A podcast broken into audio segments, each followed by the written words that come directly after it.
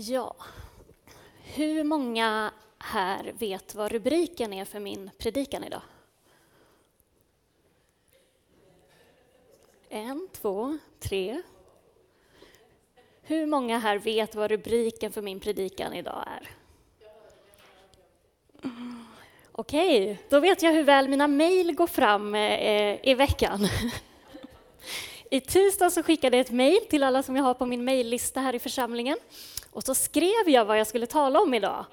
Eh, men då vet jag. ja, man kan, man kan glömma såklart, såklart. Men det var ju faktiskt lite skönt för mig då, för jag, efter att jag hade skrivit den här rubriken i det här mejlet så tänkte jag, åh nej, vad ska jag säga om det här? Och nu har jag redan skrivit vad jag ska prata om, men nu vet jag ju att om jag gör det framöver så behöver jag inte vara så nervös, jag kan ta något annat, för ni kommer ändå inte ihåg. Men nu har jag ju då jobbat på den här rubriken, för jag tänkte att oj, oj, oj, nu sitter alla och är förväntansfulla på vad jag ska säga.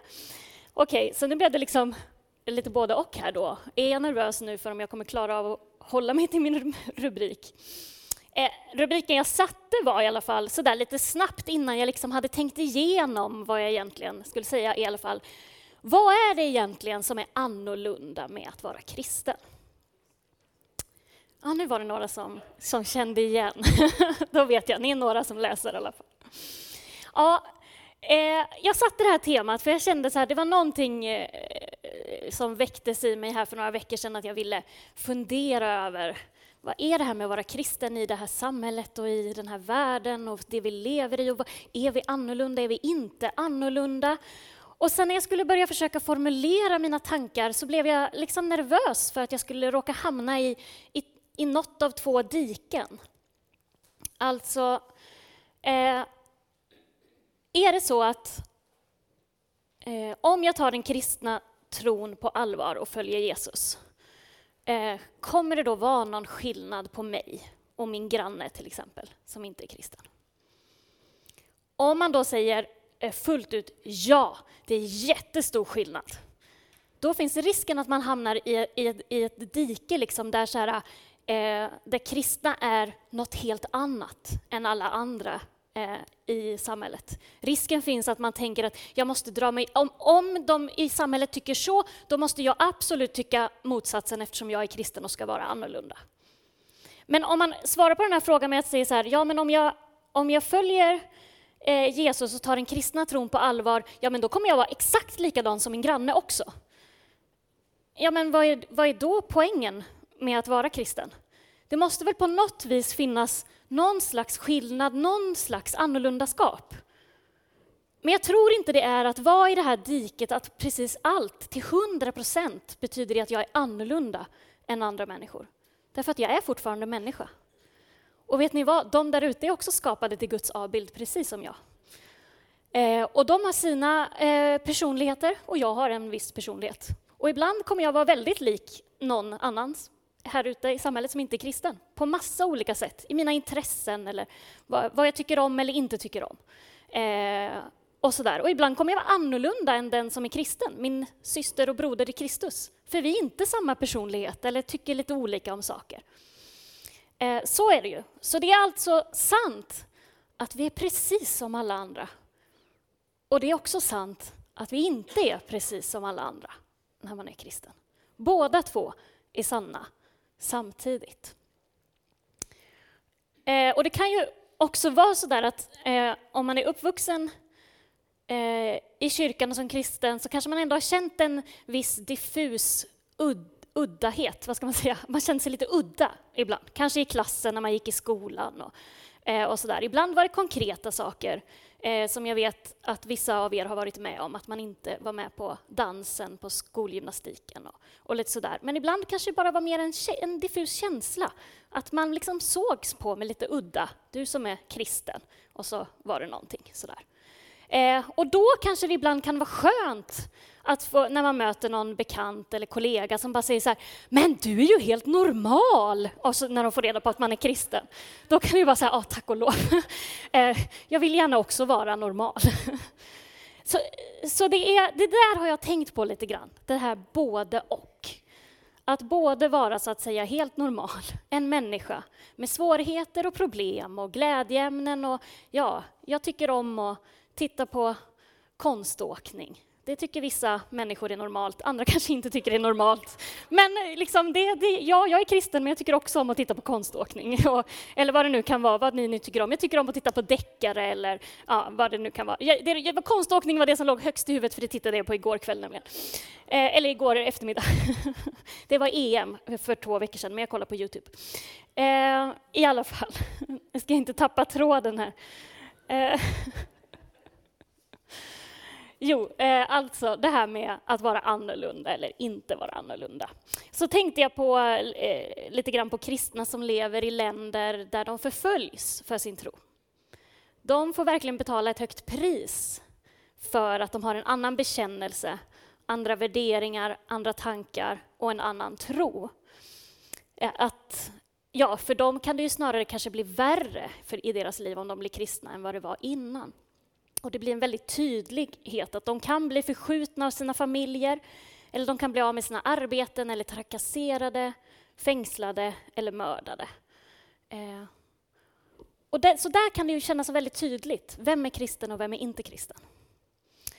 Men jag tror att oavsett i vilket land som vi lever i eh, så innebär det ändå något slags annorlunda skap i alla samhällen när man säger jag vill följa Jesus. Och även då om det inte är så många svenskar som skulle bli helt förskjutna från sina familjer och vänner så kan man ju ändå känna av att man, någon tittar lite snett på en, som sagt, som jag sa innan. I, i familjen eller i vänkretsen eller bland klasskompisarna. Ja, du som är kristen. Det är lite, att man kan känna av den där, att man är lite udda, kanske sticker ut. Man kanske får en konstig blick eller så. Kanske särskilt om man blir kristen i vuxen ålder och kanske i en familj där ingen annan är kristen. Man kan känna sig ensam och utsatt även om det inte är fara för mitt liv.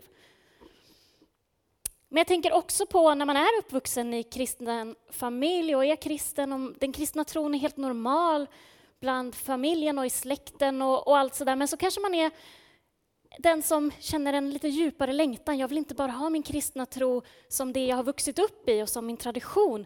Jag vill, jag vill, jag vill göra mer. Alltså, kan vi inte be tillsammans? Kanske man säger i sin familj. Och så tittar alla lite, äh, ja, ja, det gör vi i kyrkan, det har vi aldrig gjort här hemma. Eller man kanske säger, kan inte vi läsa Bibeln ihop och prata om våran tro och vad det betyder? Och då kanske de andra, även om de andra kallar sig kristna, kanske de tycker så här, jaha, ska vi vara så kristna nu? Eh, jag trodde inte du var så extrem.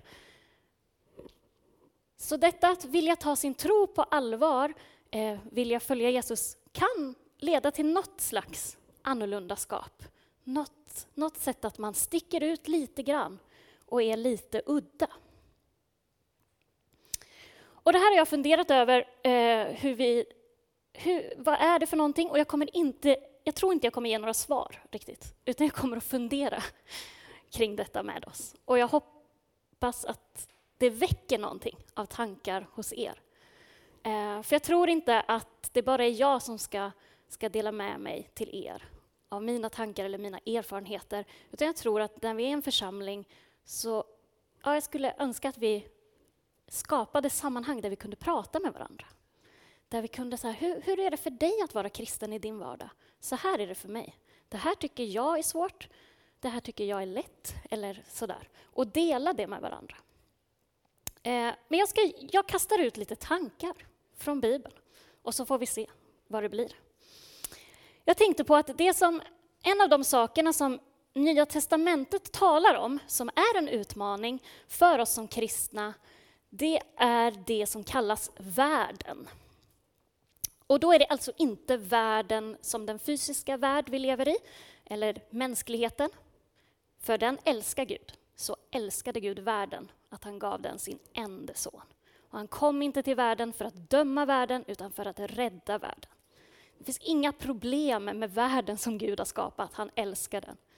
Men Bibeln använder det här begreppet världen också om tidsanda eller eh, liksom en tidsperiod eller hur man, eh, stämningen eller atmosfären i världen runt omkring oss. Och Bibeln talar om att det kan vara en utmaning att leva i den här tidsandan när man är kristen. Och då har jag valt en vers från Romarbrevet 12, kapitel 2. Eh, och den kommer upp här på skärmen också. Där det står, vi ser om den kommer upp här. Vi har lagt upp den i två olika bibelöversättningar. Den första, anpassa er inte efter denna världen, utan låt det förvandlas genom förnyelsen av era tankar, så att ni kan avgöra vad som är Guds vilja. Det som är gott behagar honom och är fullkomligt. Och för att sätta lite andra ord på det, vad kan, vad kan det här betyda, så har Nya Levande Bibeln eh, formulerat det så här. Följ inte världens beteenden och vanor, utan var nya och annorlunda människor med det nya livets friskhet i allt ni gör och tänker. Då förstår ni att välja det som är gott och som tillfredsställer Gud. Och det är det här jag har funderat så mycket på. Vad är det att inte anpassa sig efter den här världen? Vad är det att inte följa världens beteende och vanor? Om vi då inte ska hamna i det här diket där man säger okej, okay, gör de så i världen, då gör jag precis tvärtom. Utan hur kan vi urskilja vilka saker det är i världen som är det som kan påverka mig negativt och dra mig bort? Och det som är en utmaning med det här med tidsandan och världen, det är ju att den förändras. Varje generation måste ta itu med världen och tidsandan på ett delvis nytt sätt. Att ni som var unga för 40, 50, 60 eller 70 år sedan, ni levde i en delvis annan värld än de som är unga idag lever i. Vi möter inte exakt samma utmaningar i varje tid. De kan likna varandra, men vissa kan försvinna och nya kan tillkomma. Eh, så det är inte alltid självklart eller lätt att navigera i vad är det i den här tiden som är det jag inte ska anpassa mig efter eller det som kan dra mig bort ifrån Gud. Vad är det i den här tiden som är det jag är annorlunda i och vad är det som jag inte behöver vara annorlunda i? Hur avgör vi det? Vad det är? Och där kommer jag tillbaka till det jag sa från början. Jag tror inte att det är att bara en person kan avgöra det. Jag tror inte att jag kan stå här och tala om för er i era liv exakt hur just ni ska leva och exakt vilka som är just de grejerna som gäller alla här. Jag tror delvis att vi har olika utmaningar. Även om vi lever i samma tid så finns det olika saker i den här tiden som är det som drar mig bort ifrån Gud och andra saker som drar dig bort ifrån Gud. Och jag tror och hoppas att vi skulle kunna vara en kyrka där vi skulle kunna dela de här sakerna med varandra på något sätt.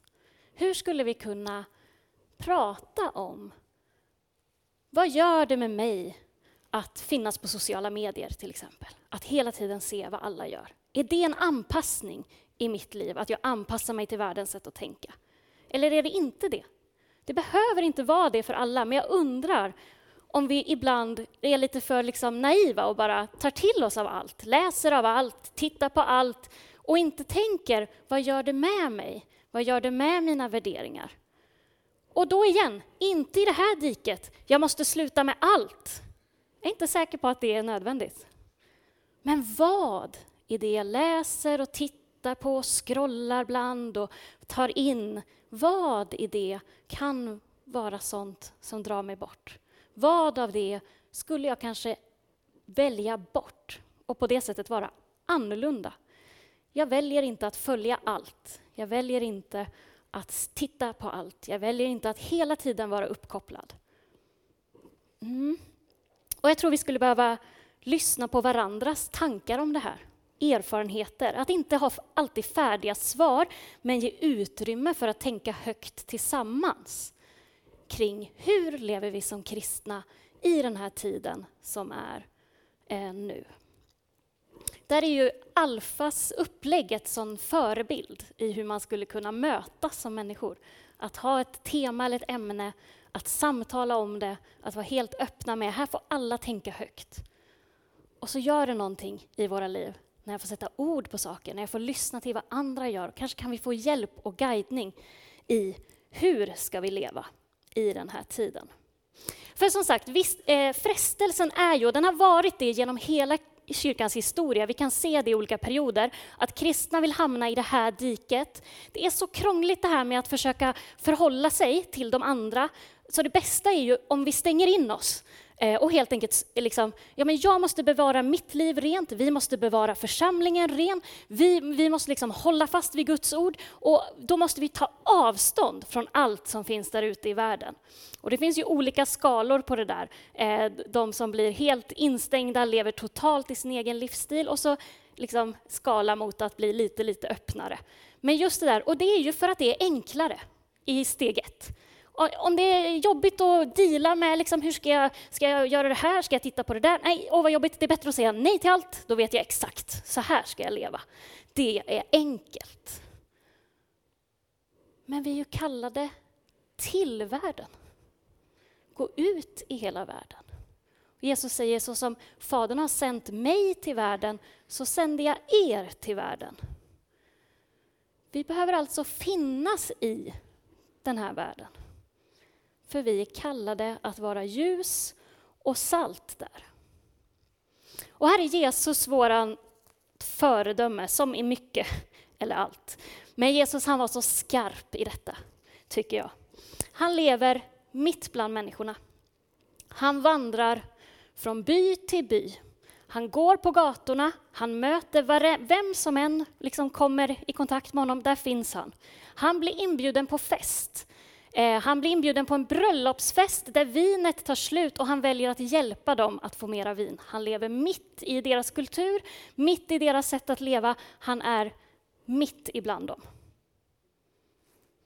Men han är något annat. Han är annorlunda. När han börjar predika, det som människor säger om honom, det står i evangelierna, det är något som är annorlunda. Han predikar med makt och inte som de skriftlärda. De märker det är en skillnad. Jesus gör skillnad. Han är mitt bland människorna, men han är någonting annat. Och han är så skarp emot fariseerna. Fariseerna som vill följa Gud, som vill leva rätt, som har alla goda intentioner, eh, liksom i, enligt Gamla testamentets och judarnas tro och lära. Men där är Jesus skarp mot dem. Och han säger bland annat till folket om dem att lyssna på vad de säger, men gör inte som de gör.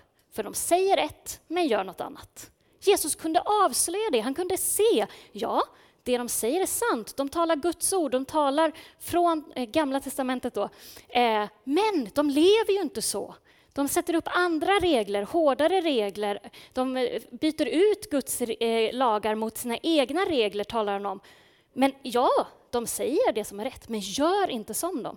Och det där att kunna av, eh, liksom, eh, skilja på, ja, jag kan lyssna till saker som sägs ute i världen, för det finns mycket som sägs där som också är från Gud.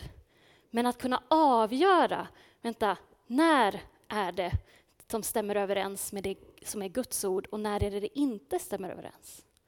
Jesus kallar oss inte att bli en egen liten grupp avskild från alla andra. Han kallar oss att leva mitt i den här världens kaos. Och det är svårt.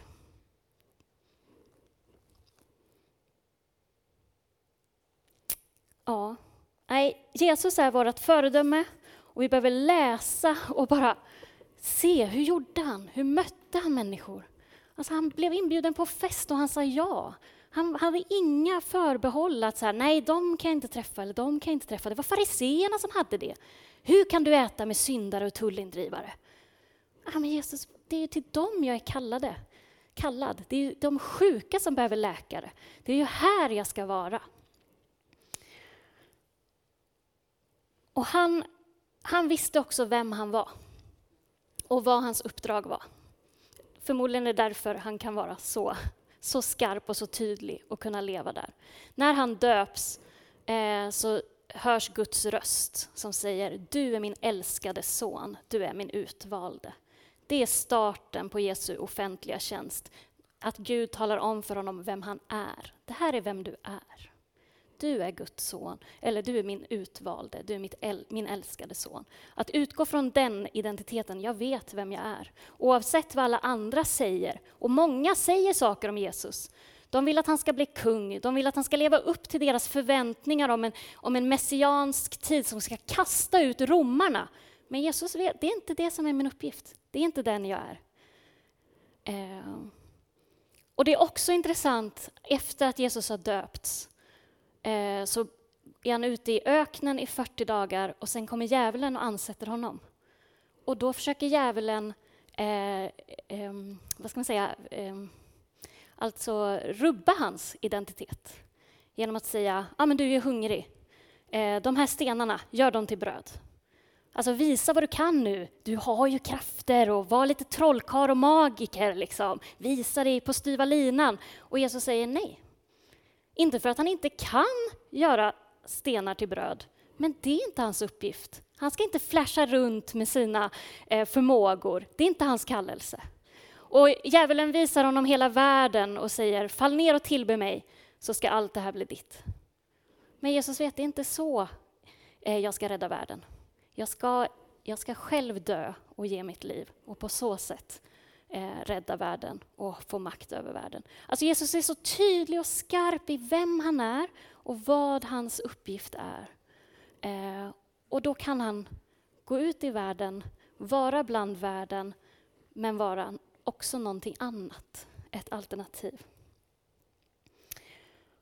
Och jag tror att eh, det är svårare för oss såklart. Vi är inte Jesus. Men vet du vad han har lovat? Vad var det jag sa tidigare? Han, han är med oss alla dagar till tidens slut. Alltså, re, återigen, jag har talat om det här förut för att jag tycker det är så viktigt. Det finns en riktning. Och i vilket håll vill jag vara riktad? Nej, jag kommer inte lyckas med allt. Nej, jag kommer inte klara allt. Nej, jag kommer inte vara perfekt. Ja, jag kommer att anpassa mig många gånger. Ja, jag kommer att eh, missbedöma vad som är viktigt och vad som inte är viktigt. Men vilken riktning vill jag ha i mitt liv? Närmare Jesus. Mer som Jesus. Så mycket jag bara kan i det här livet. Den riktningen vill jag ha. För det kristna livet är en vandring. Det är att upptäcka och lära sig mer. Det är inte statiskt. Det är inte en, eh, liksom, nu har jag fått allt jag vet och nu så står jag här och så vet jag bara att Gud finns och jag är älskad och allt är bra. Nej, det finns ju ett liv att leva, någonting att upptäcka. Eh, vi kallas att vandra, att följa Jesus.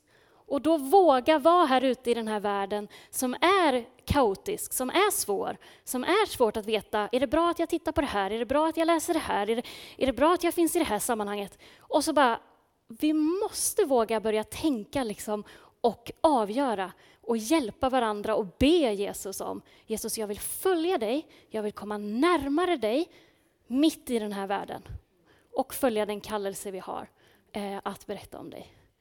Men att inte göra det för enkelt och säga eh, nej dit, ja dit. Och så. Eh, för jag tror inte, livet är inte så enkelt. Alla gånger. Vad är det i den här tiden som drar oss bort ifrån Gud? Vad är det som är beteenden och vanor som vi inte ska ta del av eller försöka undvika? Den frågan, att ha den levande lite i sitt liv. Inte som en, inte som en panikkänsla, jag får inte göra fel och tänk om det går dåligt, utan bara som en, ja men Jesus jag, hjälp mig, jag vill försöka vara så skarp som du var. Att kunna ha integritet, vara kristen i den här världen. Eh, vara annorlunda. Hjälp mig eh, att leva så likt dig det bara går.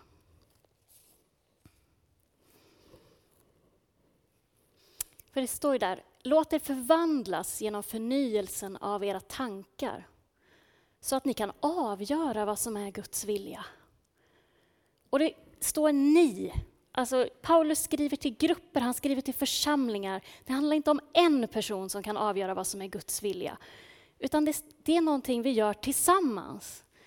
Om ni eh, är med på jag vet inte exakt, det ska bli spännande också, vi får fundera vidare på det här. Vad är det att förvandlas genom förnyelsen av sina tankar? Eh, men att försöka det och så tillsammans försöka avgöra vad är gott, vad är mindre gott? Hur kan vi leva i den här världen eh, och inte anpassa oss allt för mycket? Och på så sätt upptäcka Guds vilja. Vi kan faktiskt, kan faktiskt, säger den här versen, få förstå vad Guds vilja är. Ja. Det här var lite tankar. Tjoff, tjoff, tjoff. Varsågoda. Eh, jag hann liksom inte skriva ihop och få ihop en bra avslutning. Det här är saker jag funderar över. För det här undrar jag över. Hur lever jag som kristen i den här tiden? Så likt Jesus det bara går. Det är min liksom, riktning, min längtan. Jesus, jag vill bli mer lik dig. Och att vi som församling skulle ta steg mot det också. Hur kan vi bli mer lika dig? Hur kan vi bli en öppen och varm församling där nya människor känner sig välkomna, men där det också finns något som är skarpt och annorlunda eh, och som förändrar våra liv eh, från insidan. Mm. Vi får se om vi kan återkomma på det här temat i vår, men det här var de tankar jag hade för idag. Nu ber vi tillsammans. Tack Jesus för ditt ord som är skarpare än något tveget svärd och tränger så djupt att det skiljer själ och ande, ben och märg och avslöjar hjärtats uppsåt och tankar. Herre, vi behöver verkligen den skärpan i våra liv och i vår församling och i vår tid, Herre. Det finns så mycket som drar i oss åt olika håll i det här samhället och i den här tidsandan och det är inte så lätt att avgöra vad det är vi, vi ska säga nej till och vad vi ska säga ja till. Och jag tackar dig för att vi inte är ensamma i det, Herre. Utan jag tackar dig för att du har levt det här livet. Du har levt mitt i världen, mitt bland människorna, mitt bland åsikter och tankar som drar åt olika håll. Och, och du kunde vara stabil och stark och trygg i det, Herre. Så du är vår trygghet i det, Herre. Jag ber Herre att du hjälper oss att förvandla våra tankar, att vi får förnya dem, Herre. Inte tänka som vi alltid har tänkt, utan våga tänka på nya sätt och våga se på dig och världen på nya sätt, Herre. Hjälp oss med det, Herre. Vi kan det inte i oss själva. Och hjälp oss som kristen gemenskap och som församlingar att ge plats och utrymme för dessa samtal, Herre. Att dela livet och dela tankar med varandra och försöka avgöra vad din vilja är i den här tiden, i våra församlingar, i oss själva, Herre, i våra liv, Herre. Jesus, det, vi vet att det spelar roll att, du, att vara kristen, men ibland är det svårt att se exakt vad för roll det spelar. Vi vet att det är någonting annorlunda att vara kristen, men ibland är det svårt att se vad det är som är det annorlunda. Herre, led oss i det här, led oss för det här året 2024. Att vi får komma närmare dig, Herre. Att vi får ta steg mot dig och upptäcka mer av vad det är du har kallat oss till och vilka vi är i dig. Dina älskade barn, kallade ut i den här kaotiska världen. Hjälp oss att leva i den så gott och riktigt det bara går. I Jesu namn. Amen.